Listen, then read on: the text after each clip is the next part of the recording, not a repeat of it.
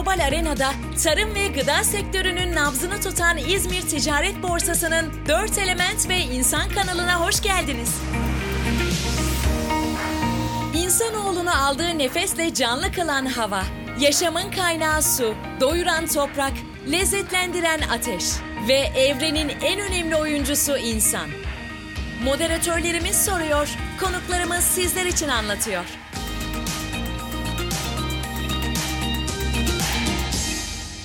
Merhaba sevgili dinleyicilerimiz. Ben İrfan Donat. İzmir Ticaret Borsası'nın 4 Element ve İnsan kanalında farklı bir konu ve konukla karşınızdayız.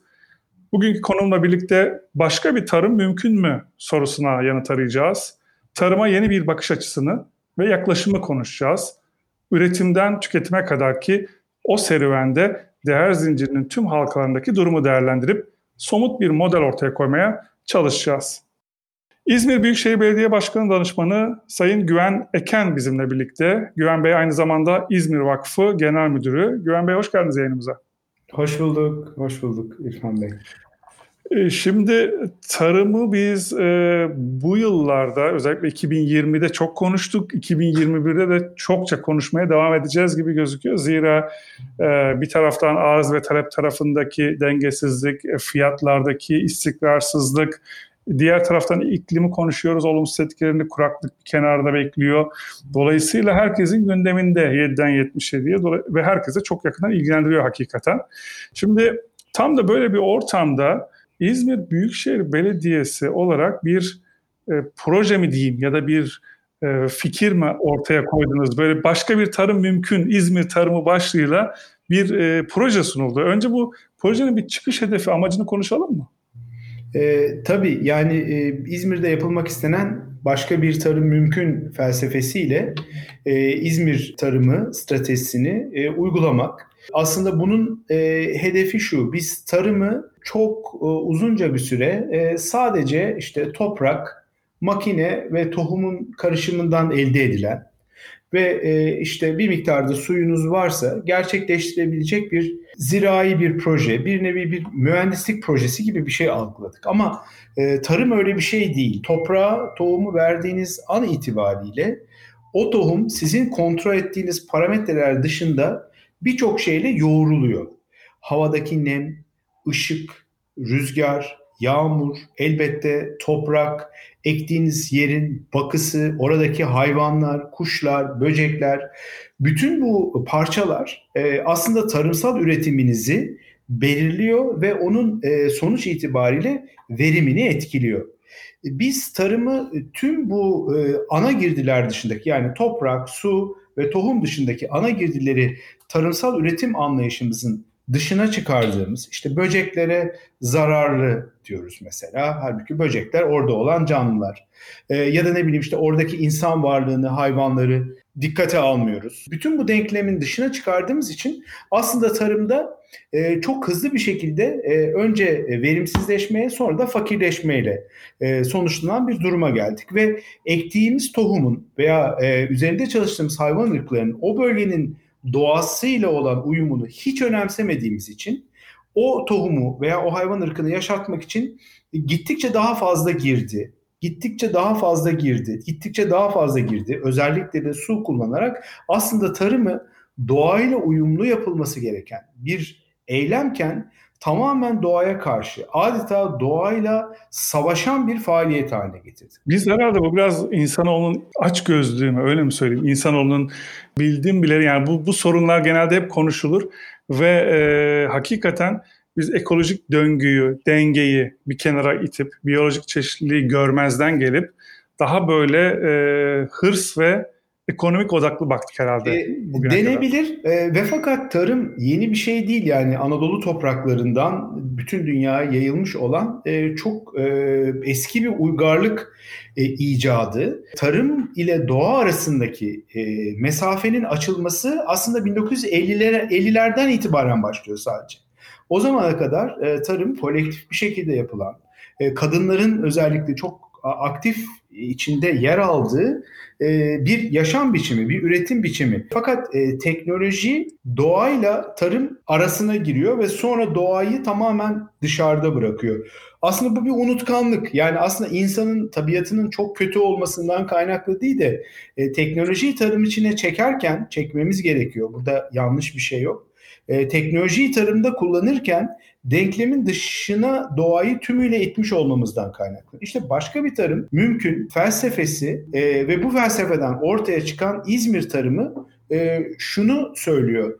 Üretimin gerçekleşebilmesi için biz hem teknolojiyi hem de doğal e, doğayı bir girdi olarak kabul ediyoruz ve bunlar arasında bir denge oluşturmaya e, çalışıyoruz. Bir nevi bir tasarım gibi bunu görebilirsiniz. Aslında kadim bilgi de bize bunu gösteriyor. Başka bir tarım mümkünün temel farkı bu. Yani normalde teknoloji ve toprak arasında gelişen bir hikayeyken konvansiyonel tarım, bugünün yaygın tarım anlayışı biz bu denklemin içerisine bir de doğayı koyuyoruz ve yaptığımız bu pratik bizi sonuçta hem çağımızın en büyük sorunlarından biri olan kuraklıkla hem de ülkemizin yüzleştiği yoksullukla mücadele için çok önemli bir araç haline getiriyor tarım. O zaman isterseniz bu e, felsefi yaklaşımı biraz daha somut ayaklar üzerine oturtalım. Yani e, İzmir tarımının yanlış bilmiyorsam altı ayağı var.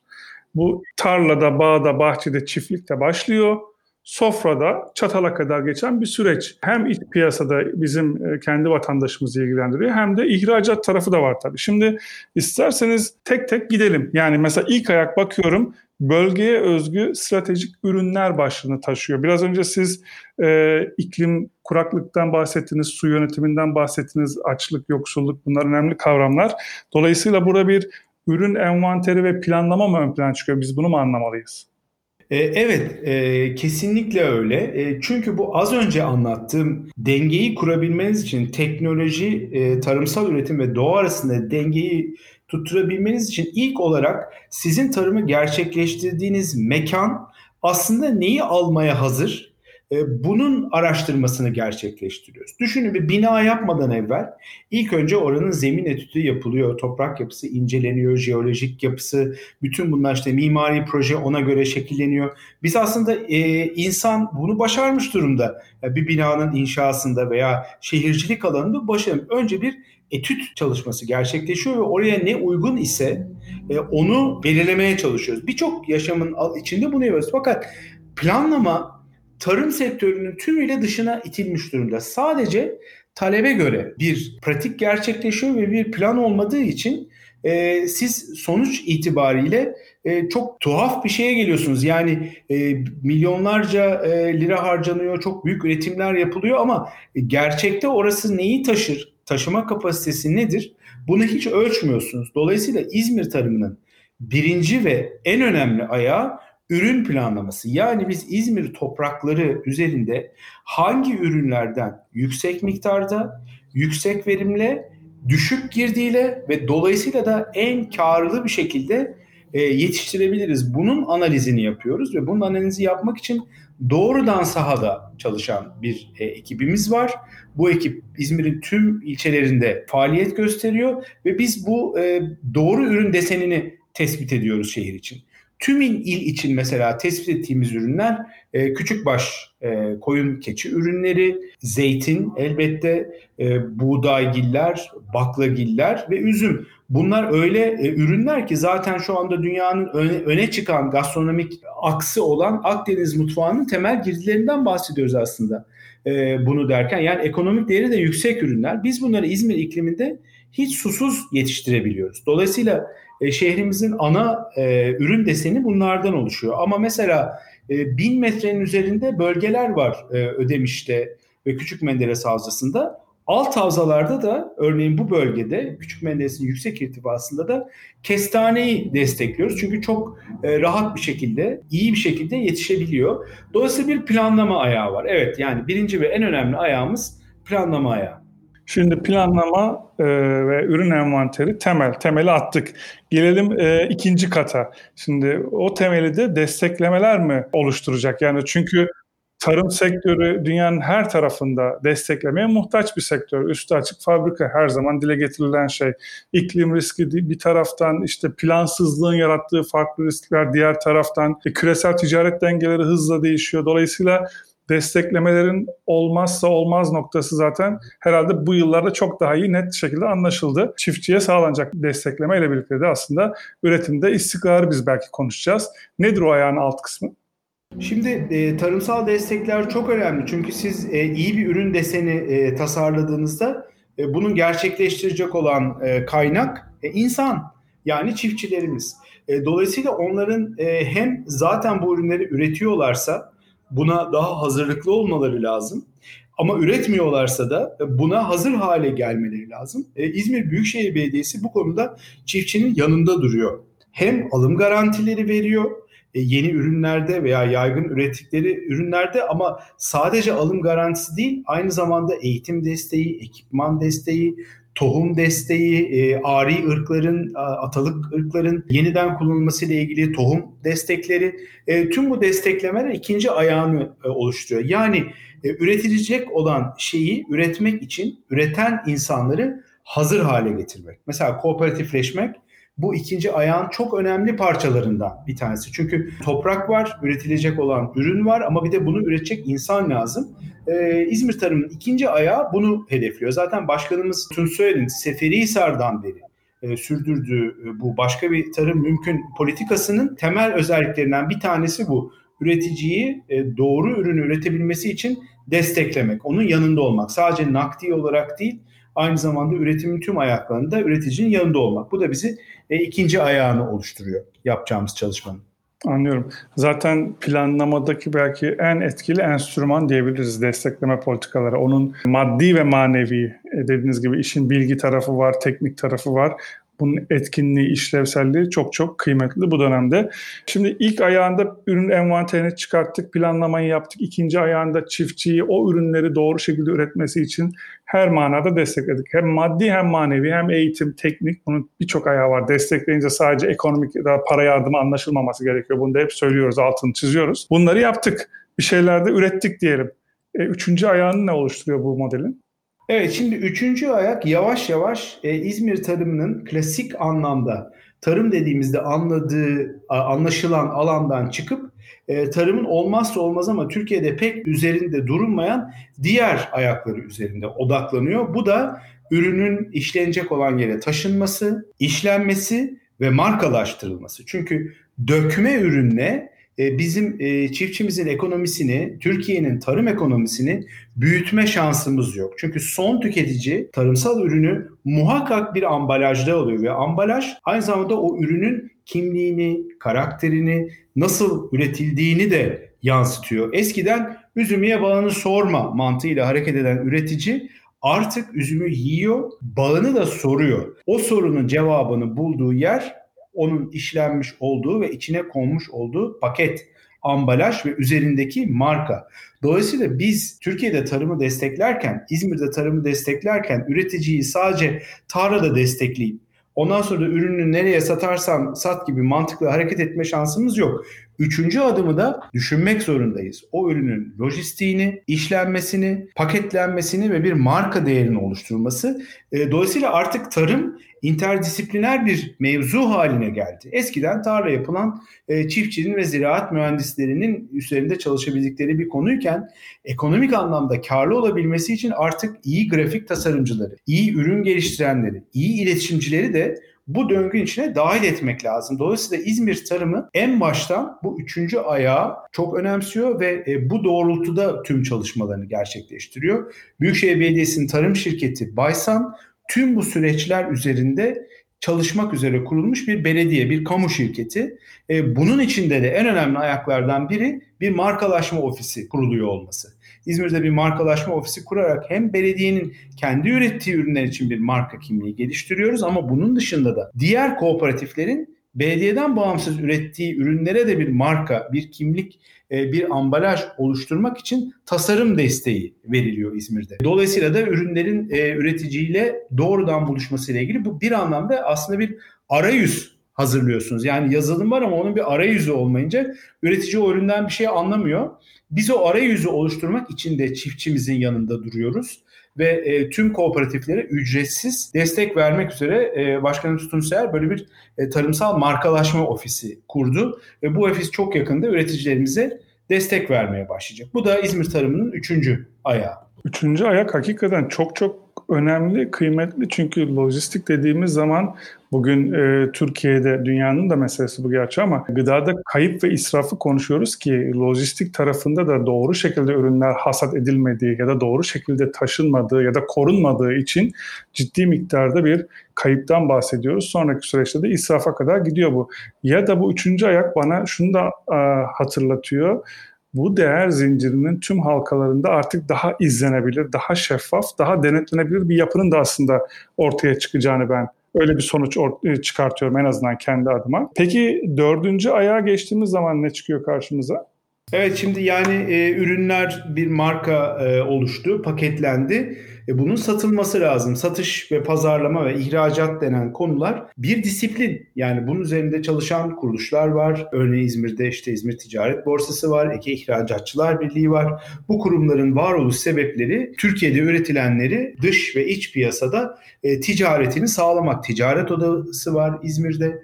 E, şimdi bu noktada tarımın bu yapılar içerisinde çok daha önemli bir yer teşkil etmesi gerekiyor ki biz İzmir'de üretilen ürünleri yüksek katma değerden Türkiye içine ve Türkiye'nin dışına pazarlayabilelim ve çiftçinin cebine giren geliri artırabilelim. Çünkü ithal tohumlar ve sulama neyi vaat ediyor? Verimi yükseltmeyi vaat ediyor. Ve çiftçi bu veriyi e, teveccüh göstererek yerel ürünler yerine daha az verimli, belki daha lezzetli ama daha az verimli ürünler yerine bu yüksek verimli ürünlere kayıyor. Fakat bu ürünleri zaman içerisinde girdi maliyeti o kadar yükseliyor ki bu bölgenin tabiatına, iklimine uygun olmadıkları için bu sefer verim yüksek olsa bile çiftçinin cebine giren para aslında net kar daha düşük oluyor. Şimdi bu nedenle satış, pazarlama ve ihracatı en baştan düşünmek çok önemli. Çünkü e, artık alım garantisi e, vermek yeterli. Çünkü alım garantisi Büyükşehir Belediyesi dahi olsa kısıtlı bir miktar ürünü alabiliyor. Biz bu dördüncü ayakta satış garantisi oluşturabilmek için önceden İzmir'de üretilen ürünler belli. Bunları talep edebilecek piyasalar da belli. Ürünler daha üretilmeden çiftçi bir yandan üretimini gerçekleştirirken e, diğer yandan e, bu ürünün alabilecek olan farklı pazarlarla müzakere edip iyi değerden bu ürünlerin alınmasını sağlıyoruz. Ve yine bu kapsamda da e, bir ihracat destek ofisi kuruluyor. Sadece tarımsal amaçlı Büyükşehir bünyesi altında. Çünkü ihracat önemli bir e, gelir kalemi çiftçimiz için. Biz hem girdi maliyetini düşürür hem de e, çiftçinin cebine giren parayı yani satış değerini arttırırsak o zaman işte Türkiye'de tarım çökmez ve e, ciddi bir çökmemenin ötesinde Türkiye ekonomisinde yeniden bir lokomotif e, sektör haline gelebilir. Ama tarımsal ürünün ihracatı kaderine bırakılacak bir şey değil. Yani ya da tarladan hasat ettikten sonra düşünmeye başlanacak bir şey değil. Daha tarlaya ekilmeden hatta ekilmeden bir sene önce çünkü en baş birinci adımımız neydi? Ürün planlamasıydı. Planladığımız için biz zaten neyi ekeceğimizi biliyoruz daha ekmeden biliyoruz. Dolayısıyla aynı anda ihracat, satış ve pazarlama ile ilgili stratejilerimizi ve anlaşmalarımızı da örgütlü çiftçi adına yapabilir durumdayız İzmir'de. Ee, bizim stratejimizin İzmir tarımının dördüncü ayağını da bu oluşturuyor. Ee, önceden satış e, ve ihracat garantisini üreticimize sağlamak. Burası hakikaten çok önemli. Çoğu zaman da gözden kaçırdığımız ya da göz ardı ettiğimiz noktalardan biri. Genelde hep tarımla ilgili bana da e, bazen dışarıdan yatırımcı ya da bu işe meraklılar soruyorlar. İşte ne yetiştirelim, onu mu yetiştirelim, bunu mu yetiştirelim, hayvancılık mı yapalım, bitki üretimi yapalım. Ondan sonra hangisinden para kazanırız tarzında sorular var. Ben onlara hep şunu söylüyorum. Bir şey yetiştirmek önemli değil, bir şeyi üretmek önemli değil. Önemli olan onu pazarlamak. Dolayısıyla herkes önce üretime odaklanıyor, üretiyor da bir şekilde maliyetine katlanıyor e, ya da ne bileyim işte bütün zorlukları aşıyor. Ama iş pazarlama tarafına gelince işte orada e, eğer karşılığını alamazsa o üretimin hiçbir manası anlamı yok. Hatta işte alım garantisi mi satış garantisi mi dediniz siz. Ben alım garantisi evet tarımın belirli noktalarında belki ihtiyaç ama sonuç itibariyle o teşbihat olmaz e, birisine balık vermektir. Eğer balık tutmayı öğretmek istiyorsanız satış garantisi onu pazarla, pazarlamayı öğretmeniz lazım ya da o tarafta destek vermeniz lazım ki kendi ayakları üzerinde e, durabilsin. Bir de bu katma değerli üretim ve markalaşma tarafında biz hep pazarlama kelimesini de çok fazla kullanmıyoruz. Yani hep satışa odaklanmışız. Siz biraz önce dediniz ya dökmeyle bu işler olmuyor. Dökme ihracatla, dökme satışla. Evet, hakikaten bir katma değer bir marka ve o markayla beraber de bir pazarlama stratejisi. E, dünya artık bu tarafa doğru gitti. Çok da ileri noktaya gitti. Bizim de artık bu yola girmemiz lazım diye düşünüyorum. Yani ürünün kendi bir fiziki değeri var. Bir de onun marka değeri var. Yani o markadan doğan, örneğin İzmir tarımı e, kriterlerine uymanın üzerine kattığı bir değer var. Bu artık ürünün fiziki değerinin üzerine eklenen bir şey. Bunu hafife almamak lazım. Bazen ürünün %10, %15, bazen %100 e, daha fazla yüksek değerden e, piyasada talep bulmasına sonuçlanabiliyor markanın iyi yönetilmesi. Çünkü insanlar artık gıda güvenliğine, güvenilir gıdaya çok önem veriyorlar. Doğru. E, dolayısıyla biz bunun üzerinde çalışıyoruz. Bu güvenilirlik artık e, ekonomide karşılığı olan bir şey. Çok E, ve biz bunu İzmir tarımının e, özüne dahil etmiş durumdayız bu gerçekliği. Peki şimdi dört aşamayı saydık. İşin beşinci ayağına gelince benim aklıma hani bu sistemi kurmak için ya da bu sistemin doğru şekilde işlemesi için bir taraftan da hem veriye ihtiyaç var, hem araştırma geliştirme, hem işin içinde belki inovasyon, e, eğitim, sertifikasyon. Ya yani birçok da aslında böyle yan destekleyici unsurlar var. Beşinci ayak bize ne söyler? Şimdi beşinci ayak e, bu ürün e, planlaması birinci ayak. Zaten bu bir döngü. Hı hı. Yani beşinci ayak e, tekrardan birinci ayağa ve daha sonra konuşacak olduğumuz altıncı ayağa e, ilham veriyor. E, şimdi beşinci ayak bizim ARGE, araştırma, geliştirme ve sertifikasyon ve dolayısıyla da eğitimle ilgili ayağımız. Bu ayakta sürekli bu ilkelerle uyumlu e, ürün desenini daha iyi nasıl geliştiririz buna bakıyoruz. Örneğin küçükbaş hayvancılığı destekliyor isek ve bunun suyu az kullanan veya hiç kullanmayan bir sistemle yapılmasını öngörüyorsak yüksek besleyici değeri olan küçükbaş için bir yem karışımını elde etmemiz lazım. Atalık bitkilerden. Şu anda bunlar çok fazla üzerinde durulan konular değil. Yani bir e, işte küçük baş için yerli yem bitkilerinden nasıl yüksek verimli bir karışım yaparız? Mesela bu üzerinde çalışılması gereken bu konu. Ya da birçok atalık besleyici yem bitkimiz var. Sas çavdarı, mürdümük, gambilya bunların hepsinin tohumlarını biz İzmir'de topladık. Anadolu'nun farklı yerlerinden topladık ve tohumluk olarak şu anda biz bunları üretiyoruz. Ama bunların her birinin besin değeri nedir? Süt için katkısı nedir? Hangisi ne kadar destekler? Ee, mesela halk arasında baklanın süt değerinin çok yüksek olduğu söyleniyor. Ama bunu arpa ile karıştırdığınızda ne sonuç alıyorsunuz? Bunu yaş mı yedirmeli? Kuru mu yedirmeli? Nasıl bir karışım yapmalı? Sadece işte küçük baş konusunda bile bu sorduğum sorular.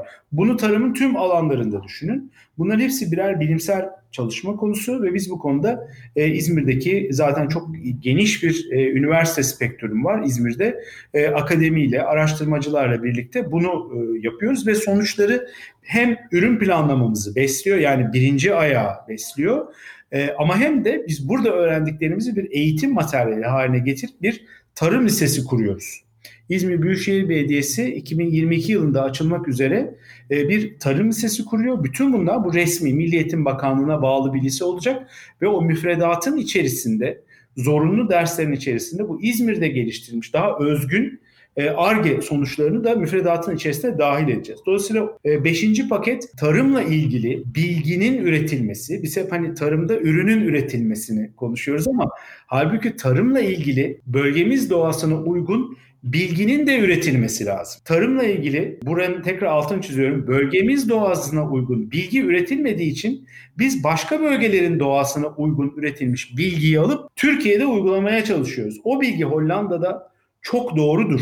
Üzerinde çalışılmış ve doğruluğu ispat edilmiştir. Ama başka bir iklime çekildiğinde örneğin büyükbaş üretimi ve işte e, silaja bağlı bir e, yem döngüsü Küçük Menderes Havzası'na İzmir'e taşındığında o bilgi kendi koşullarında ikliminde çok doğru olmakla beraber bizde bütün havzanın su kaynaklarını yok edebilecek noktaya gelebilir. Yani tarım öyle bir şey ki bilginin o coğrafyaya özgü üretilmesi lazım. Bu bizim hiç yapmıyoruz diyemem. Birçok üniversitemiz var ve bu konuları çalışıyor ama daha fazla üzerinde durmamız gereken bir konu. Dolayısıyla beşinci ayakta bu. Diğer tüm ayaklar e, tarımsal üretimin kendisiyle iştigal ederken e, beşinci ayak e, tarımsal üretime dair bilginin üretilmesiyle ilgili çalışıyor. Burada bir de şu notu söylemem lazım. Anadolu Türkiye tarımın keşfedildiği ve dünyaya yayıldığı yer. Yani Anadolu kadınları binlerce yıl tarım yapmışlar ve bu bilgiler akademik kaynaklardan ve araştırmalardan derlenebileceği gibi bugün Anadolu'nun ve İzmir'in köylerindeki e, eski üreticilerden ve onların üretim pratiklerinden de derleyeceğiz. Çünkü çok büyük bir bilgi kaynağı var. Biz hep Anadolu tarımına veya Anadolu'da tarıma boş bir sayfa olarak bakıyoruz. Yani hiçbir şey yokmuş da biz buraya acaba ne ürün getirsek, köylüyü nasıl kalkındırsak gibi bir perspektifte bakıyoruz ama e, bu biraz üstten bir bakış. E, biz İzmir'de bunu bunu da önem veriyoruz. Aslında bu coğrafyanın insanları nerede, hangi ürünü ve nasıl yetiştirmeleri gerektiğini çok iyi biliyorlar. Bizim yapmamız gereken e, onlara neyi nasıl yapmaları gerektiğini öğretmek değil, onlardan öğrenip ürettikleri ürünleri e, pazar bulmak, onların satışını sağlamak ve onlardan öğrenip yine o bilgiyi kavramsallaştırmak. Yani Anadolu tarımında eksik olan şey büyük bir tarım bilgisi var ama akademik normlarda kavramsallaştırılmamış bir tarım bilgisi bu. E, bunu da yine bu beşinci ayak içerisinde e, sağlamayı düşünüyoruz. İzmir'in kadim üretim havzalarını araştırmak suretiyle. Dediğiniz gibi e, dünyanın başka bölgelerinde farklı ülkelerde başarıya ulaşsa bile artık basma kalıp ya da işte kopyala yapıştır tarzı bir üretim modeli şu anda mümkün değil. Her ülkenin, her bölgenin, her coğrafyanın kendi dinamiği var. Sosyal yapısının bile üretimde etkisini görüyoruz. Dolayısıyla terzi usulü bir model artık yeniden gündeme geldi. İklimle beraber bir de ayrıca. Benim bir de hep söylediğim şey şu. Tarımda biz hep girdileri konuşurken ya da işte kaynaklarımızı konuşurken toprak, su, hava hani bunlar önemli. Sonra diğer yan girdiler. Know-how, bilgi de şu anda en önemli belki girdilerden, ham maddelerden biri niteliğinde sizin bu e, söylediklerinizden yola çıkarak. Gelelim altıncı ve son ayağına İzmir tarımının. Nedir o? Evet yani bu e, konuştuğumuz ilk beş ayak tümü aslında bir nevi toprağın, e, suyun e, işlenmesi, kullanılması ve gıdanın üretimi maksatlıydı. Sonuçta tarımın kendisiydi. Altıncı ayak yan ekonomiler üzerinde e, odaklanan bir ayak. E, bu yan ekonomilerinde en büyüğü agroturizm. Özellikle pandemiyle beraber ekoturizm, kırsal turizm e, ve bunların kesişim noktasında yer alan agroturizm dünyadaki en öne çıkan e, turizm alanlarından bir tanesi oldu. İzmir'in de çok kapsamlı bir turizm stratejisi var. Bu bunun içerisinde de yer alıyor. Uygun olan yerlerde her köy, her tarımsal alan buna uygun olmayabilir ama uygun olan yerlerde e, çiftçinin 12 ay boyunca gelir elde edebilmesi çünkü ürünü ekip satması nereden baksanız bir süre 6 ay bazen daha uzun hasat süresi o süre zarfında çiftçiye küçük miktarlarda da olsa doğrudan gelir elde edebilecek bir faaliyet e, agroturizm. E, bu nedenle e, agroturizmi önemsiyoruz. E, ve bunu da altıncı ayak olarak stratejimize ekledik. Aslında e, biz burada şunu yapıyoruz. E, yani bütün bu hikayede birden altıncı aya kadar geçen süreçte İzmir çok eski, köklü ve ekonomisi güçlü bir şehir. Hem bir ticaret şehri, güçlü bir limanı var. Hem bir tarım şehri zaten konuştuk. Hem bir turizm şehri hem de bir sanayi şehri. Aslında bu anlattığımız yapıda döngü içerisinde sanayiciye de çok iş düşüyor. E, yeni tarım ekipmanlarının üretilmesinde, turizm sektörüne de çok iş düşüyor. E, ticaretçilere, ihracatçılara da çok büyük iş düşüyor ve elbette e, tarım sektörüne çok büyük şey düşüyor. Yani şehrin tüm güçlerini e, ekonomik güçlerini ve insan e, kapasitesini doğayla uyumlu, e, başka bir tarım dediğimiz doğayla uyumlu bu e, perspektifin İzmir tarımının uygulanabilmesi için aslında seferber ed- ediyoruz.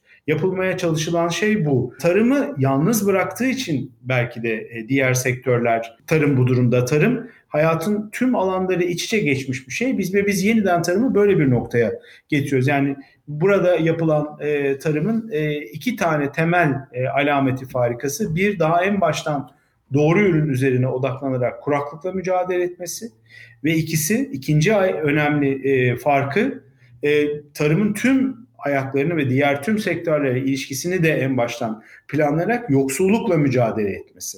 Bu ikisi olduğunda tarım şu anda olduğu gibi fakirleşmeye, yoksullaşmaya sebep olan ve işte doğal kaynakları özellikle su yok, yok eden bir şey olmaktan çıkıp tam tersi bir yere gelebilir. Yani iki ucu keskin bıçak.